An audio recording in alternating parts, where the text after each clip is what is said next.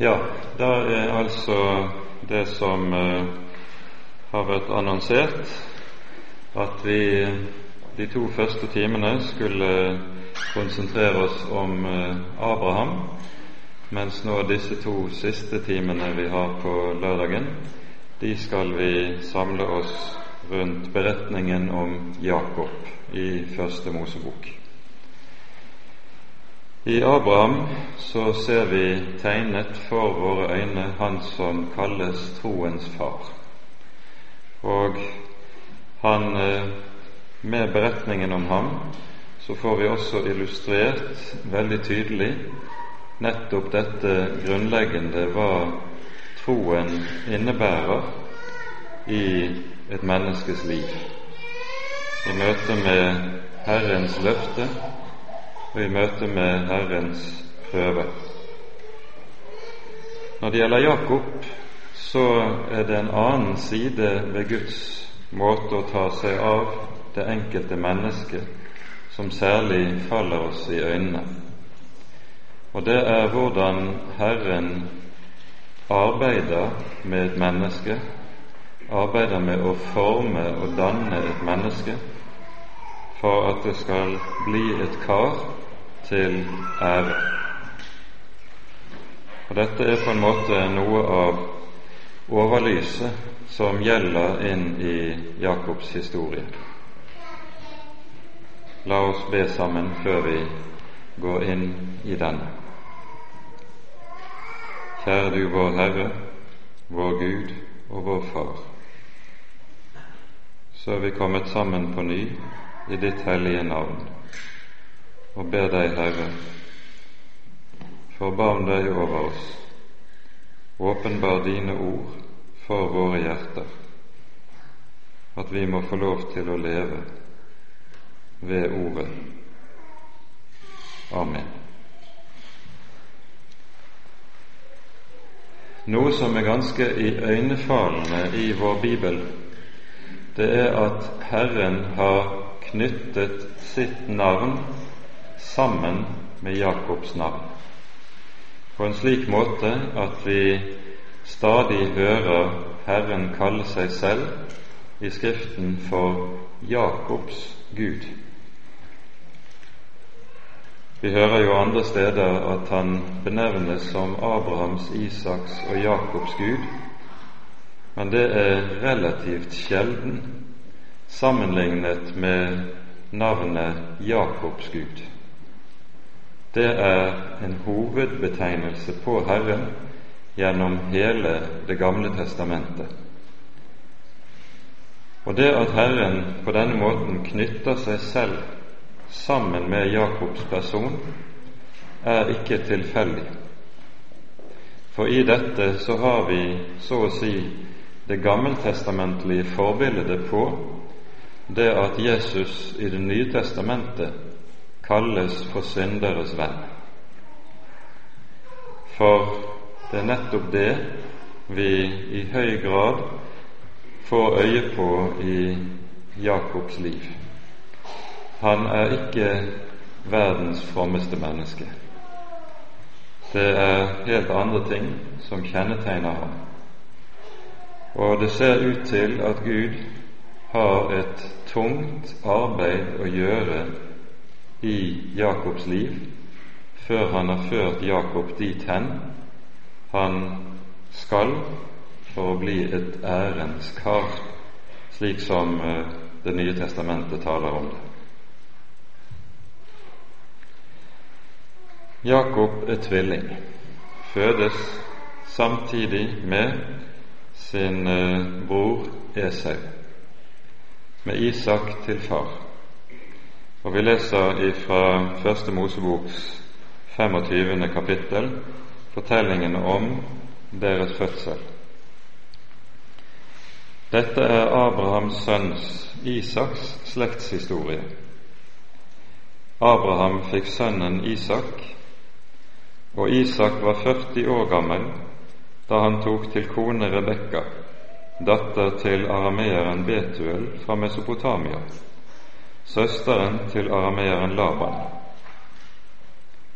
Isak var til Herren for sin hustru, for hun var barnløs. Og Herren bønnhørte ham, og hans hustru Rebekka ble med barn. Men barna støtte mot hverandre i hennes liv. Da sa hun, Er det slik med meg? Hva skal så dette bety? Og hun gikk for å spørre Herren. Og Herren sa til henne, I ditt liv er det to folk, og fra ditt mors liv skal to folkeslag skille seg ad. Det ene folkeslaget skal være sterkere enn det andre, og den eldste skal tjene den yngste. Da nå hennes tid var kommet og hun skulle føde, se, da var det tvillinger i hennes liv. Den første som kom frem, var rød og lodden som en kappe over hele kroppen, og de kalte ham Esau. Deretter kom broren hans frem. Hånden hans holdt fast i Esaus hæl, og de kalte ham Jakob. Isak var 60 år gammel da de ble født. Isak var 60 år gammel, sies det her, da disse to ble født.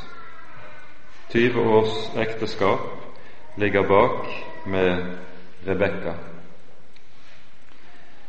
Og allerede her ser vi noe som er meget karakteristisk i vår bibel. Vi nevnte i går at det som er den røde tråd i beretningen om disse tre, Abraham, Isak og Jakob, det er Herrens løfte. Løftet om Herrens velsignelse, velsignelsen som skal bli alle folkeslag til del. Og så hører vi hvordan Isak er arving til løftet. I versene før teksten vi nå har lest, hører vi om hvorledes det går med Isaks halvbror Ismail. Det er en ganske kort historie om ham.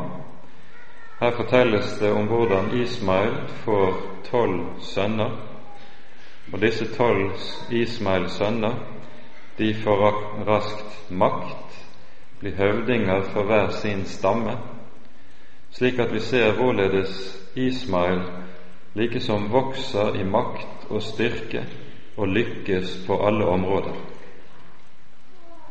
Med Isak forholder det seg helt annerledes. Han ble gift først 40 år gammel, og etter 20 års ekteskap fødes hans to sønner Esau og Jakob. Og om disse gjelder det at de like fra mors liv av ligger i strid. Spør en seg nå hvem av disse to er det som har arvet velsignelsen? Ismael eller Isak?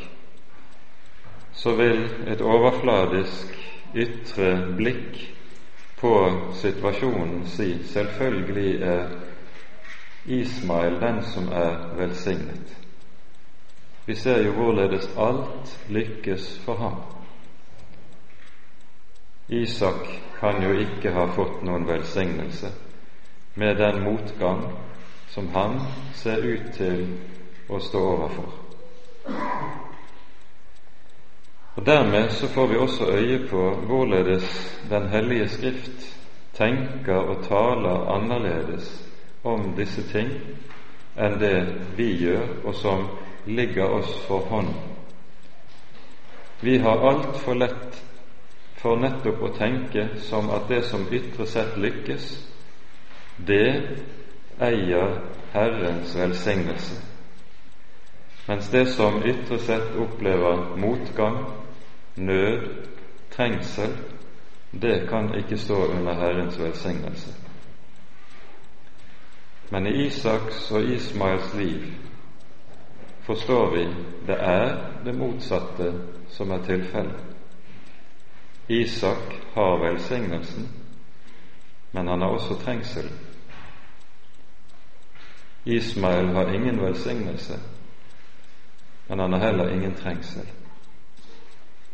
Meget viktig å være oppmerksom på.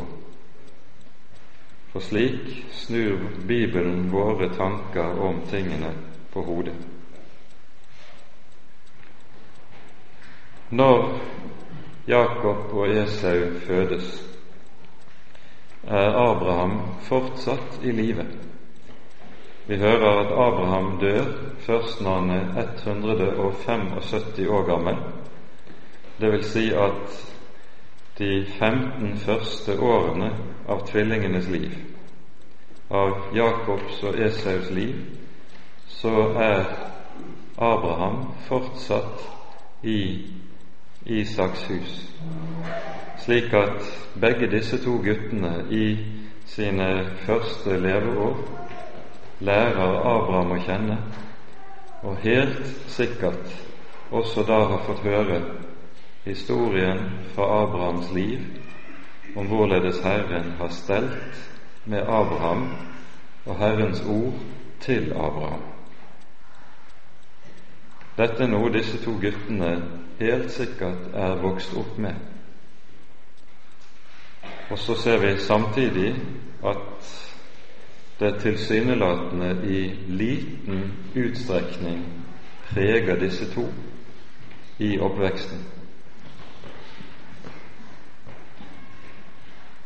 Isak har bedt for Rebekka.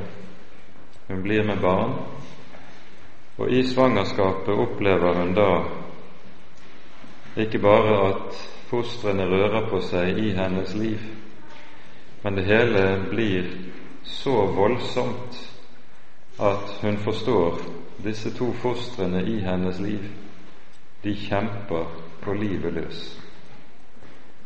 Hun fylles av angst, søker Herren for å få vite hva skal nå dette bety. Og så er det hun altså får det Guds ord til henne som peker ut retningen og skjebnen til disse to guttene. I ditt liv er det to folk. Fra ditt mors liv skal to folkeslag skille seg ad. Det ene folk skal være sterkere enn det annet, og den eldste tjener den yngste.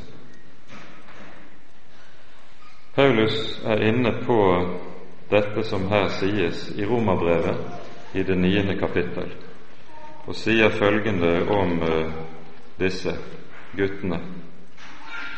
Først tales det om hvordan Herren skiller mellom Ismael og Isak, og så følger det ja, ikke bare dette, men slik hendte det også med Rebekka hun ble med barn ved en mann, vår far Isak.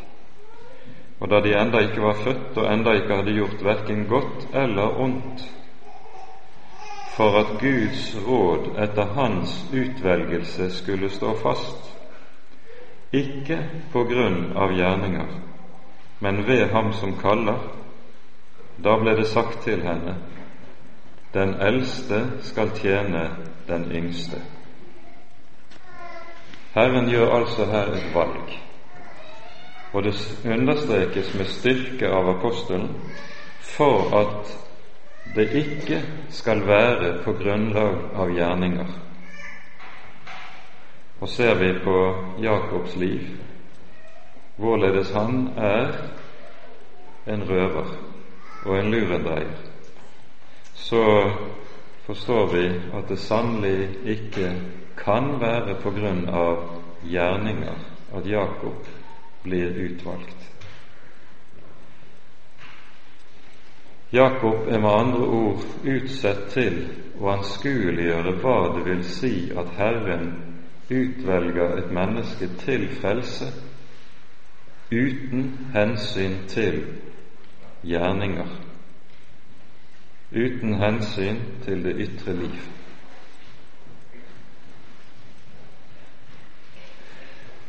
Men Esau er den som kommer først ut av morslivet, Og Jakob døpes altså med navnet Jakob, som bokstavelig betyr 'han som holder i hælen'.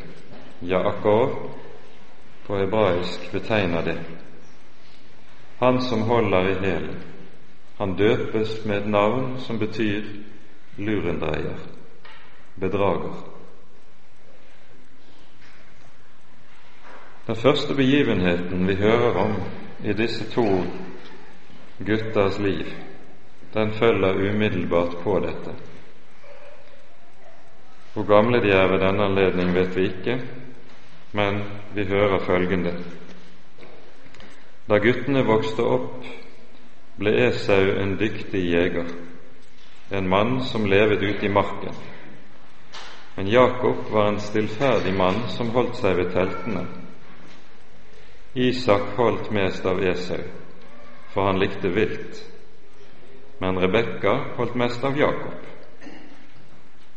En gang da Jakob holdt på å koke en matrett, kom Esau frem fra marken, rent utkjørt, og Esau sa til Jakob, Vær snill og la meg få sette til livs noe av det røde, det røde som du har der, for jeg er rent utmattet.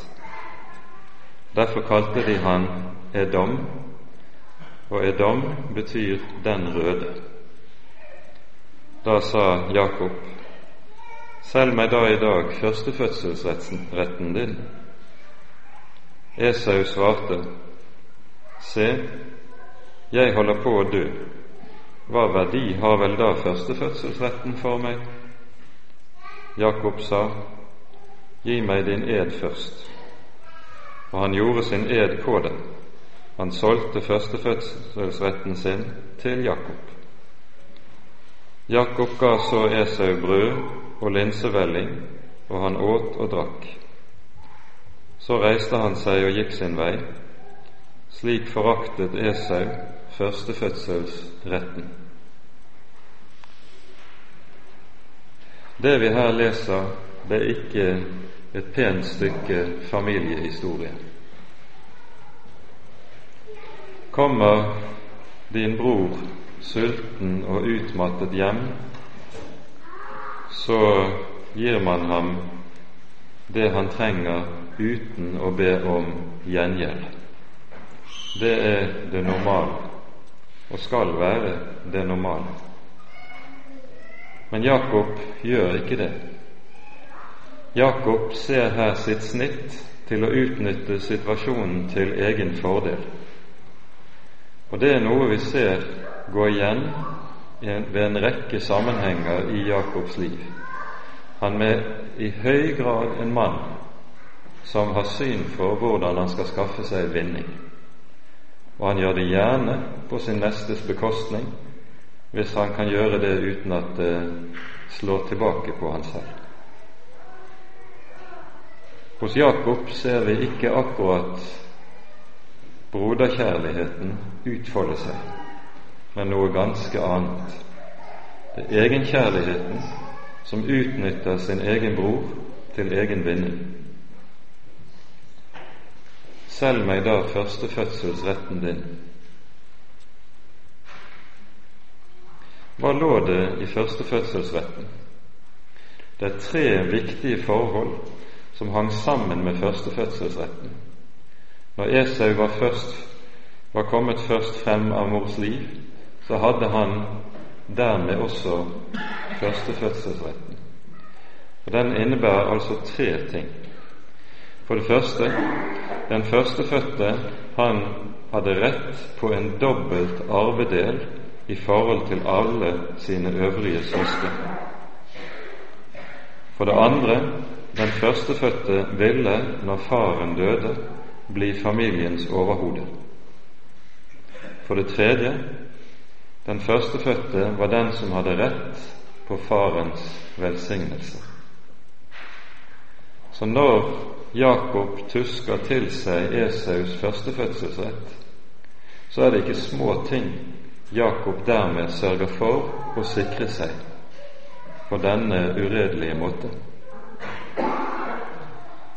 At Esau forakter førstefødselsretten, slik det her sies, det er en meget treffende beskrivelse av Esaus karakter.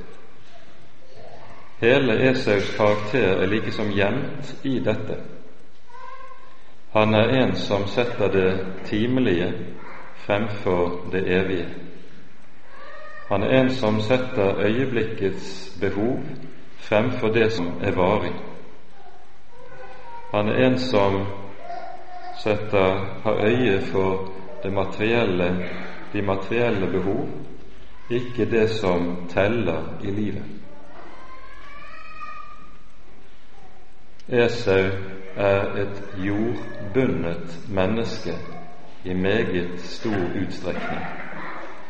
Og dette ligger også i navnet hans.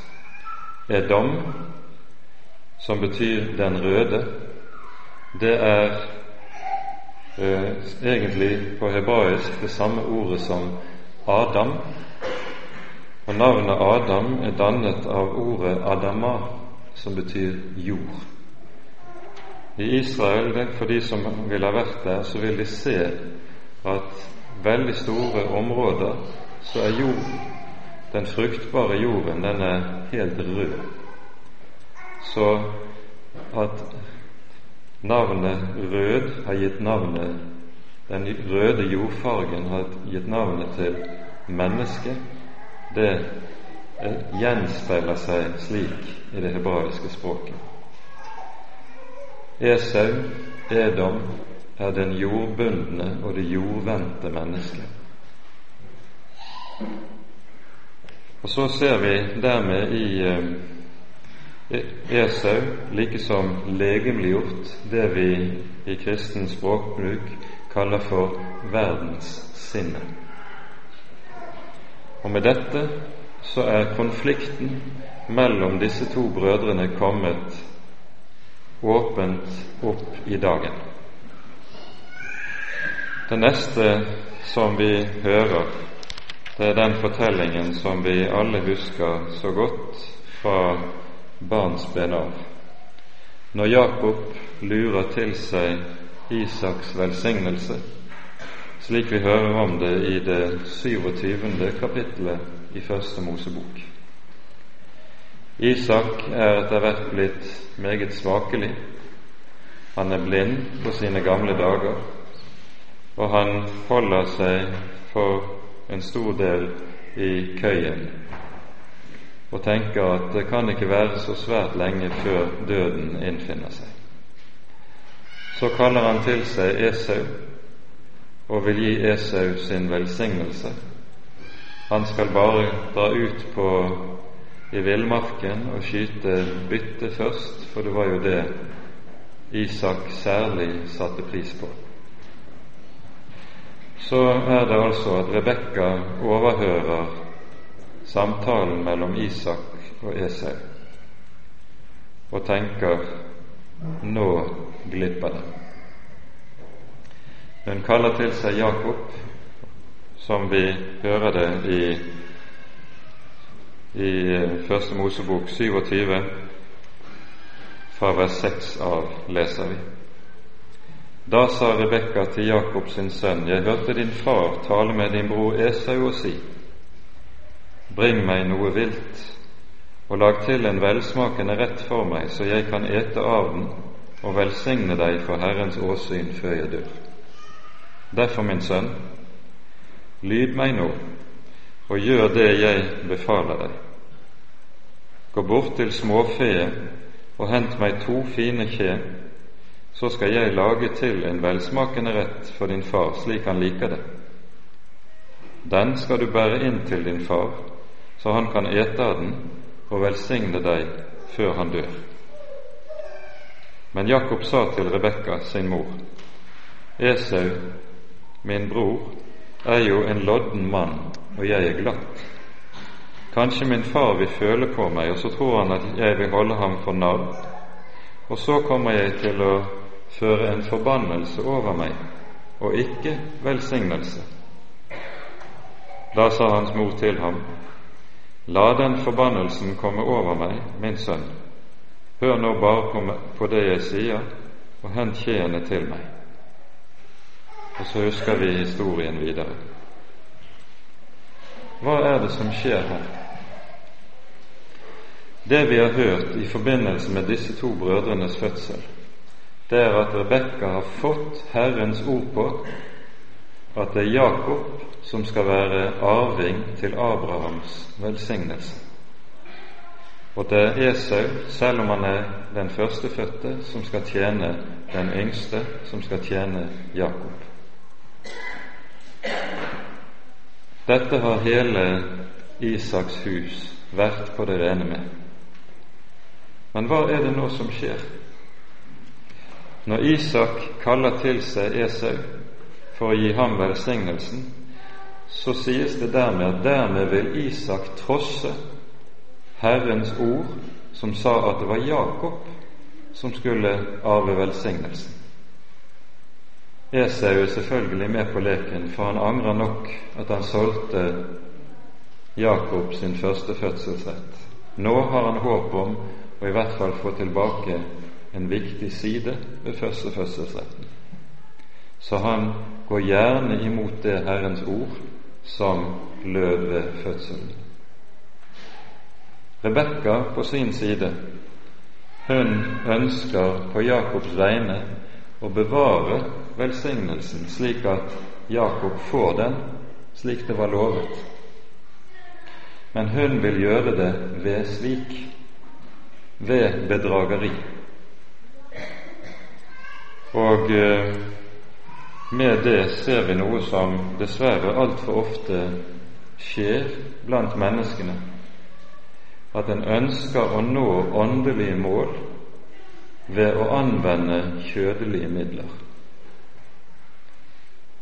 Det vi altså ser for vårt blikk, er at alle de fire hovedpersonene i det som skjer nå i kapittel 27, både Isak og Esau, Rebekka og Jakob, alle fire handler i strid med Guds vilje. Og forunderlig nok dermed oppfylles Guds vilje. Og Det er jo det som er det merkverdige, at Han som er den allmektige, snur det hele slik at hans egen vilje oppfylles, trass i menneskers krumspring. Når Rebekka går inn på dette som hun nå ønsker, og lure til seg, eller lure til Jakob velsignelsen, så ligger det jo bak dette dypest sett vantro. En vantro som helt tydelig ikke har lært noe som helst av Abrahams historie. Hun tenker som så hvis vi ikke gjør noe, gjør noe nå, så mister vi velsignelsen. Hvis vi ikke nå foretar oss noe og gjør det raskt, så vil Guds råd ikke kunne virkeliggjøres i Jakobs liv. Og så foretar de seg altså dette.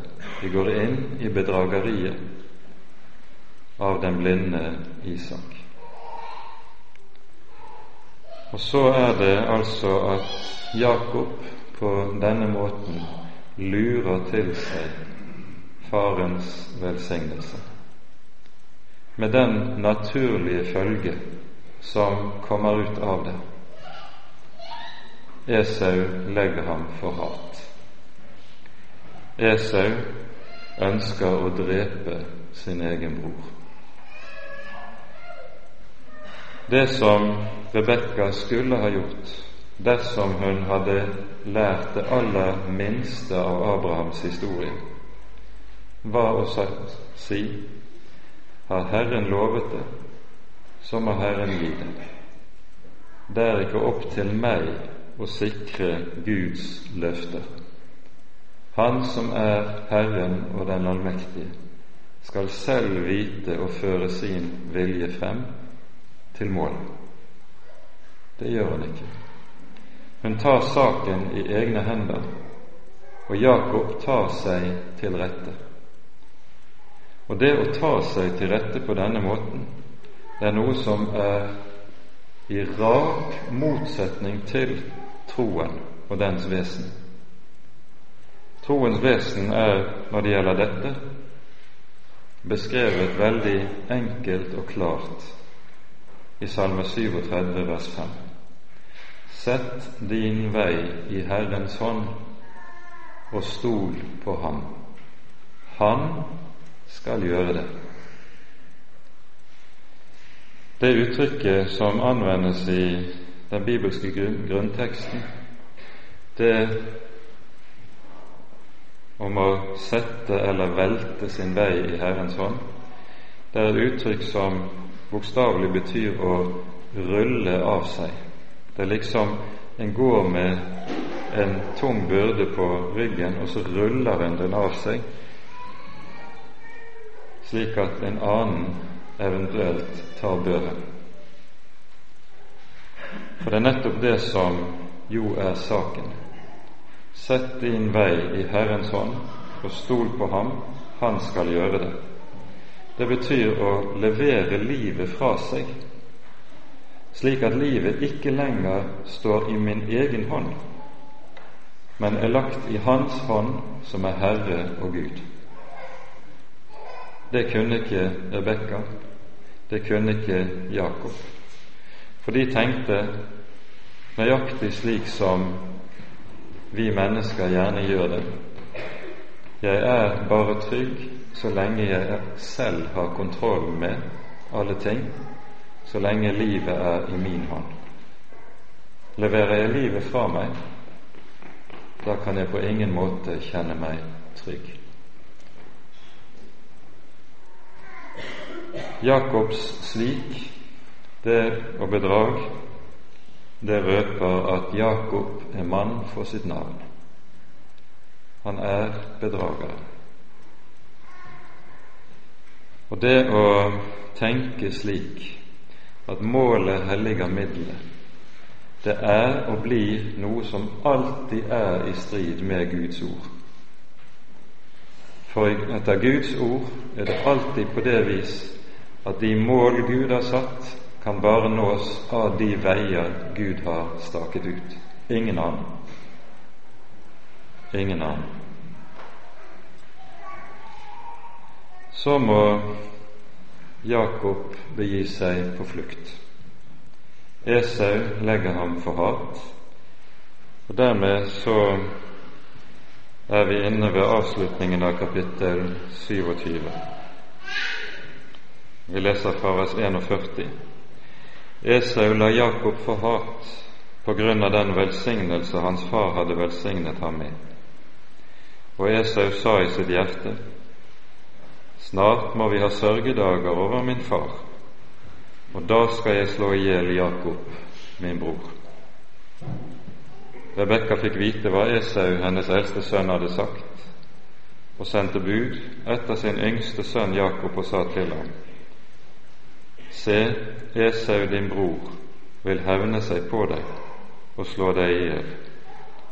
Og nå, min sønn, lyd ordet mitt, bryt opp og flykt til Laban, min bror, til Karan. Bli der hos ham en tid til din brors harme har lagt seg. Når din brors vrede har vendt seg fra deg, og han har glemt dette som du har gjort mot ham, da skal jeg sende bud og hente deg derfra. Hvorfor skulle jeg miste dere begge på én dag? Så sa Rebekka til Isak, jeg er lei av livet på grunn av disse Hets døtre. Nemlig Esau hadde tatt to kvinner av, fra hetittenes folk til hustru. Jeg er lei av livet på grunn av disse Hets døtre. Skulle nå også Jakob ta seg en kone av Hets døtre, en slik som disse, en av landets døtre, hva skal jeg da leve for? Og så vil hun få sendt Jakob av gårde til sin slekt for at Jakob kan finne en hustru der. Det påskuddet for å få Jakob vekk. Hva gjør Isak da? Han kaller til seg Jakob. Nå har Isak fått rede på Jakobs svik. Og så skal Jakob for første gang inn og møte sin far etter bedrageriet. Vi kan godt tenke oss at det må ha vært med bankende, med bevende hjerte, at Jakob går inn til sin far. Men her skjer det noe forunderlig. Fra sin far får ikke Jakob høre ett eneste lastende ord. Ikke ett eneste. I stedet hører vi det lyder fra vi leser fra begynnelsen av kapittel 28. Da kalte Isak til seg Jakob og velsignet ham, og han bød ham og sa til ham, Du skal ikke ta deg en kone blant Kanans døtre. Bryt opp, gå til Mesopotamia, til din morfar Betuels hus, og hent deg en kone derfra, en av din onkel Labans døtre. Og må Gud den allmektige velsigne deg og gjøre deg fruktbar og gi deg en tallrik ett, så du blir en hel skare av folkeslag. Må Han gi deg Abrahams velsignelse, både deg og din ett med deg, så du kommer til å eie det land hvor du nå bor som fremmed, det som Gud ga Abraham. Hvis du leser den velsignelse som Isak lys, lyser over Jakob når Jakob bedrar ham i kapittelet forut, så hører vi at Isak velsigner Jakob med mange ulike slags goder. Store goder, men jordiske goder. Vi hører ikke at Isak velsigner Jakob slik som vi her hører, nemlig Han velsigne deg med Abrahams velsignelse. Det sies ikke i kapittel 27. Og vi forstår når Isak har skjønt hva som har skjedd i bedrageriet, og antagelig hatt noen tid å tenke over hva det er som skjedde, så har han både sett hvordan han selv har handlet i strid med Guds vilje, hvordan Rebekka og Jakob har gjort det samme, og hvordan deres bedrageri likevel har ført til at Guds vilje skjedde. Og at Jakob nå Nei, at Isak nå bøyer seg for Herrens vilje, som han erkjenner, kommer nettopp til uttrykk i at han ytrer ingen forbannelse, intet straffende ord over Jakob, denne første møte med ham etter bedraget. Ingen forbannelse, ingen straff, ingen tukt, men i stedet sies det Han velsigne deg med Abrahams velsignelse. Underlige ord. Her står Jakob skyldig til halsen, og så får han den velsignelsen som er den røde tråd gjennom alle patriarkenes liv, og får den fra sin bedradde fars munn underlige ord. Så må Jakob begi seg på vandring. Alene må han dra med en stav i sin hånd og nisteskreppet nisteskreppe på ryggen, ellers intet. Og så er det vi møter den beretningen som kommer til å bli noe av det sentrale, det mest sentrale i hele Jakobs liv. Vi leser fra vers 10 i kapittel 28. Jakob tok av sted fra Beersheva og ga seg på vei til Kara. Han kom til et sted hvor han ble natten over, for solen var gått ned. Han tok en av steinene der på stedet og la den under hodet, og så la han seg til å sove der.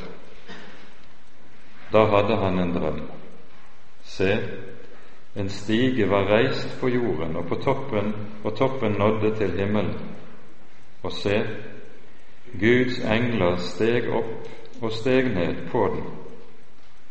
Og se, Herren sto over den og sa, Jeg er Herren, din far Abrahams Gud og Isaks Gud. Det landet du nå ligger i, vil jeg gi deg og din ett. Din ett skal bli som støvet på jorden. Du skal utbre deg mot vest og mot øst, mot nord og mot sør. Og i deg og i din ett skal alle jordens slekter velsignes. Se, jeg er med deg og vil bevare deg hvor du går, og jeg vil føre deg tilbake til dette landet, for jeg vil ikke forlate deg før jeg har gjort det jeg har sagt deg. Da våknet Jakob av sin søvn, og han sa, Sannelig, Herren er på dette sted, og jeg visste det ikke. Han ble grepet av frykt og sa, Hvor forferdelig er ikke dette sted? Her er sannelig Guds hus, her er himmelens port. Og Jakob sto tidlig opp om morgenen og tok den stein han hadde lagt under hodet, og reiste den opp som en minnestein, og han helte ut olje over toppen av steinen. Han ga stedet navnet Beit El. Før het byen Lus. Dette er første gang i Det gamle testamentet og i vår bibel at navnet Bet El anvendes, et ord som betyr Guds hus. Guds hus. Og hva er det denne drømmen har å fortelle oss? Jakob er den ensomme vandrer. Han har mistet sitt hjem. Bak der hjemme så venter det en bror som har, bare hater ham og vil ta ham av dage. Han har måttet gi seg på vandring alene, og han vet, vet meget vel, den stilling han nå er kommet i, den er han kommet i på grunn av eget svik og eget bedrag. Hadde han innrettet seg annerledes, så hadde han ikke behøvd å ligge her ensom i mørket, ensom i en verden som var meget farlig. Så er det at Herren åpenbarer seg for ham denne natten. Og åpenbaringen skjer i form av at Jakob ser en stige reist på jorden. Stigen representerer noe som er uhyre betydningsfullt. Den er båndet mellom himmel og jord. Den representerer båndet mellom den hellige Gud og et menneske som ligger ensom nede i mørket. Og nettopp dette kommer meget tydelig til uttrykk i de ord Herren taler til Jakob. Der ligger en mann skyldig i mørket. Han vet at jeg er havnet her er min egen skyld. Og så åpenbarer den hellige Gud seg for ham. Og den hellige Gud taler ikke ett ord heller her til refselse, til dom eller straff over Jakob. Men hva får Jakob høre? Han får Abrahams velsignelse. Så å si ordlydene de ord som Abraham har fått del i, Abrahams velsignelse, den tilsies nå Jakob av Herren.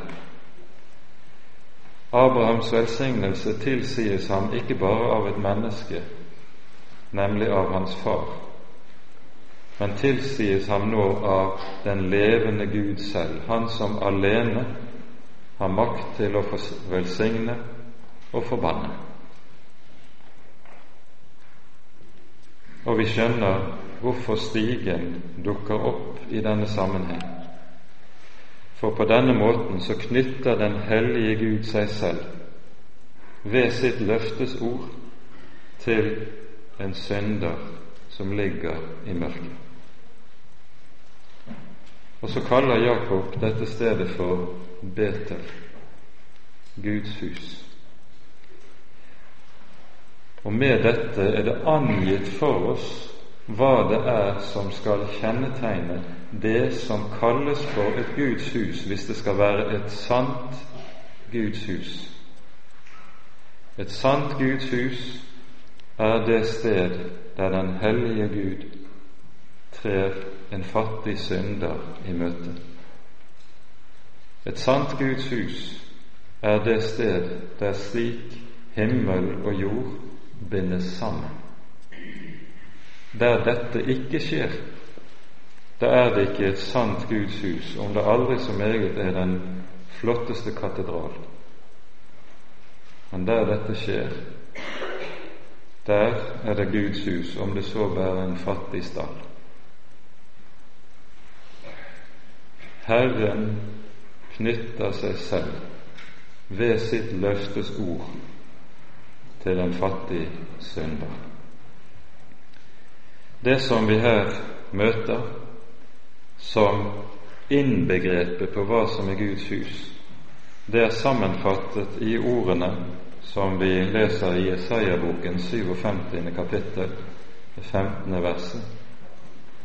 Så sier Herren, i det høye og det hellige bor jeg, og hos den som er sønderbrutt og sønderknust av hjertet, for å gjøre de sønderknustes hjerte levende igjen. Det er Jakobs stige det dreier seg om. Høyden og dybden, slik Bibelen taler om det, bundet sammen. Og så er Guds hus kommet på jorden. Når Jakob derfor bryter opp morgenen etter, så bryter han opp med Guds løfte i hende og under Herrens beskyttelse. For Herren har jo lovet ham meget tydelig Jeg er med deg og vil bevare deg hvor du går, og jeg vil føre deg tilbake til dette land for jeg vil ikke forlate deg før jeg har gjort det jeg har sagt til deg. Det underlige i dette er at vi hører Jakobs reaksjon på dette Guds løfte. I vers 20 står det følgende Jakob gjorde et løfte og sa:" Dersom Gud vil være med meg og bevare meg på veien, så skal Herren være min Gud. Hva er dette for noe? Det er ikke en mann som i troen takker og lover Herren for Hans ord, men det er en mann som tvilende sier dersom Gud vil være med meg, det er altså en som slett ikke får seg til å tro på Herrens ord og løfte, selv om Herren har åpenbart seg slik for ham. Det er derfor Jakob enda har foran seg mange og kampfylte år. Og det skal vi stanse opp for i neste time. Ære være Faderen og Sønnen og Den hellige ånd, som var og er og være skal, en sann Gud, har jeg lovet i evighet. Amen.